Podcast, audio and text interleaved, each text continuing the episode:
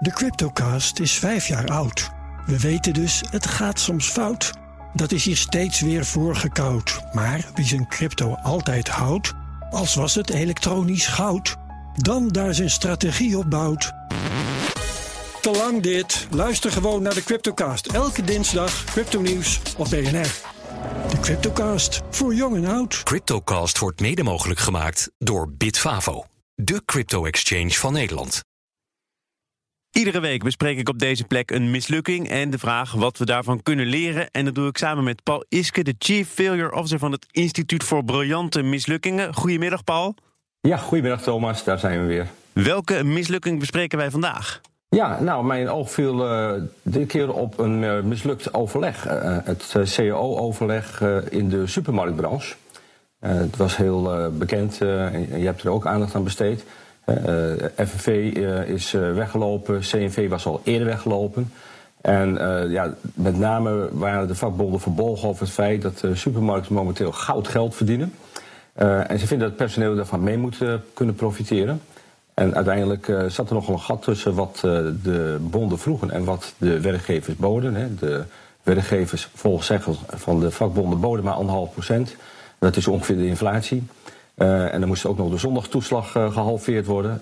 en zelf eisen ze zelf 5% meer loon. Dus er zat echt wel een groot verschil tussen wat er gevraagd werd en wat er geboden werd. Overigens is december klaarblijkelijk de tijd waarin uh, ja, onderhandelingen op dit vlak uh, mislukken. Want vorig jaar, uh, ook begin december, liepen de onderhandelingen ook al vast. En toen hebben ze nog wel een CEO kunnen afsluiten die tot 1 april 2020 liep. Dus ook weer sinds die tijd zijn, zijn ze weer aan het bakkeleien. En corona zorgt er natuurlijk voor dat dit soort onderhandelingen ook altijd ingewikkelder worden... omdat niemand in de toekomst kan kijken.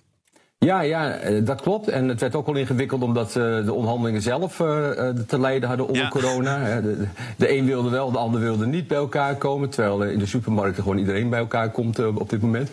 Ja, dit was het um, argument van de vakbond, hè, geloof ik. Van onze medewerkers ja. moeten toch ook gewoon fysieke ontmoetingen doorstaan. Dus waarom kunnen wij niet met elkaar afspreken? Tuurlijk, tuurlijk. Maar het bracht me een beetje op het idee van, uh, ja, er valt eigenlijk wel heel veel te lezen over handel, onderhandelingen. Het hele leven bestaat voor een groot deel uit onderhandelingen. Ik heb zelf ooit een cursus gevolgd en dat, uh, dat zei, je krijgt niet wat je verdient, maar wat je onderhandelt. He, dus het, het, hele leven bestaat uit, en denk ook aan de brexit, en vredesonderhandelingen Midden-Oosten, handelsovereenkomsten. Uh, en eigenlijk gebeurt ook maar eigenlijk zelden dat een onderhandeling in één keer slaagt omdat uh, het eerst mislukt is. Hè. Dus mislukt is in dat opzicht ook uh, betrekkelijk. En waarom mislukt het, Paul? Kun je daar iets over zeggen? Want ja. er zijn een paar redenen voor, geloof ik, hè?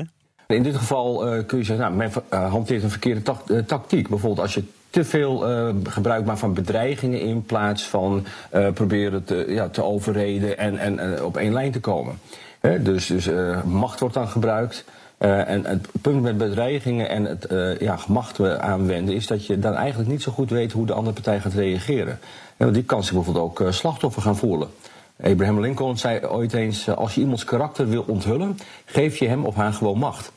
en dus, dus macht is een probleem. Voorbereiding en planning. Het gebeurt ook nog wel eens, uh, en dat zie je ook wel eens in dit type onderhandeling, dat de uh, achterban uiteindelijk nog eens een keertje geraadpleegd moet worden. Dat die weer heel anders oordeelt dan de onderhandelaars. En dan kunnen ze weer terug. Ja, we leggen het voor aan onze leden. Hè? Dat is natuurlijk een klassieker. Ja. Ja, dus uh, je denkt dat je met de leden praat, maar dat blijkt pas achteraf soms wel of niet het geval. Dat noemen wij de lege plek aan tafel. Daarnaast zie je ook nog wel eens schuivende panelen. En dan denk je dat je in de buurt bent van een akkoord. En dan gebeurt er weer iets. Dan komen de aanvullende eisen. Uh, dan uh, kunnen ook de omstandigheden veranderen. Bijvoorbeeld dat er een, een, politieke verandering optreedt. En ook een heel belangrijke is dat ook onderhandelingen vaak gedomineerd worden door persoonlijke motieven. Waarbij er uh, rancune kan zijn, uh, bang voor gezichtsverlies, niet rationeel denken.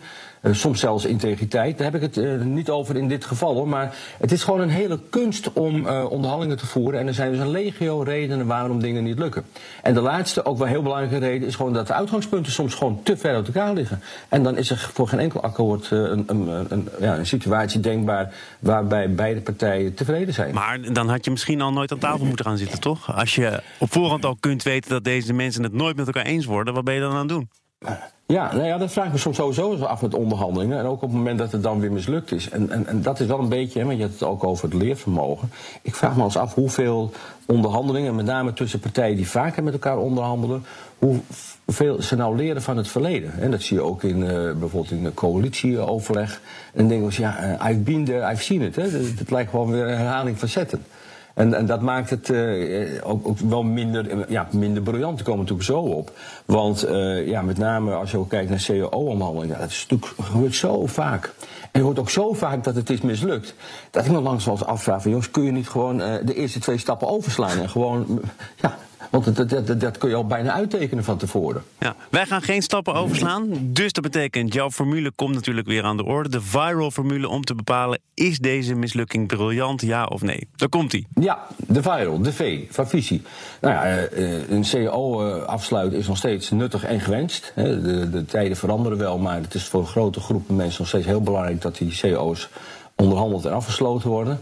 Uh, ik, nou, ik vind het belangrijk, geef maar een 7. Nou, de inzet, uh, nou, ik ben er niet kapot van, want uh, wat ik al zei, het, het, begint altijd op dezelfde manier. En ik heb aan beide kanten, ik, maar ik heb ook geen voorkeur hier hoor, aan beide kanten niet echt de wil gezien van jongens, laten we er nou eens een keertje dikke, uh, wat sneller een, een, een, mooi resultaat van maken. Zeker in deze lastige tijd. Nou, een zesje. Nou, een risico, de R van risico. Nou, door het overleg te laten klappen ontstaan zeker risico's op korte termijn. Hè, er wordt al gesproken over stakingen.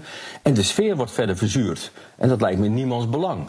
Werken in een supermarkt in coronatijd geeft sowieso spanningen. Uh, terwijl aan de andere kant wel flink verdiend wordt. Ja, dat risico dat daar een, een, een, spanning ontstaat vind ik groot. Nou, een vijf. De A van aanpak. Nou, het duurt weer allemaal erg lang. Ik zie weinig innovatie, creativiteit in de onderhandelingen zelf. Uh, dat zie je trouwens bij een heleboel onderhandelingen. Ik geef het niet meer dan een vier.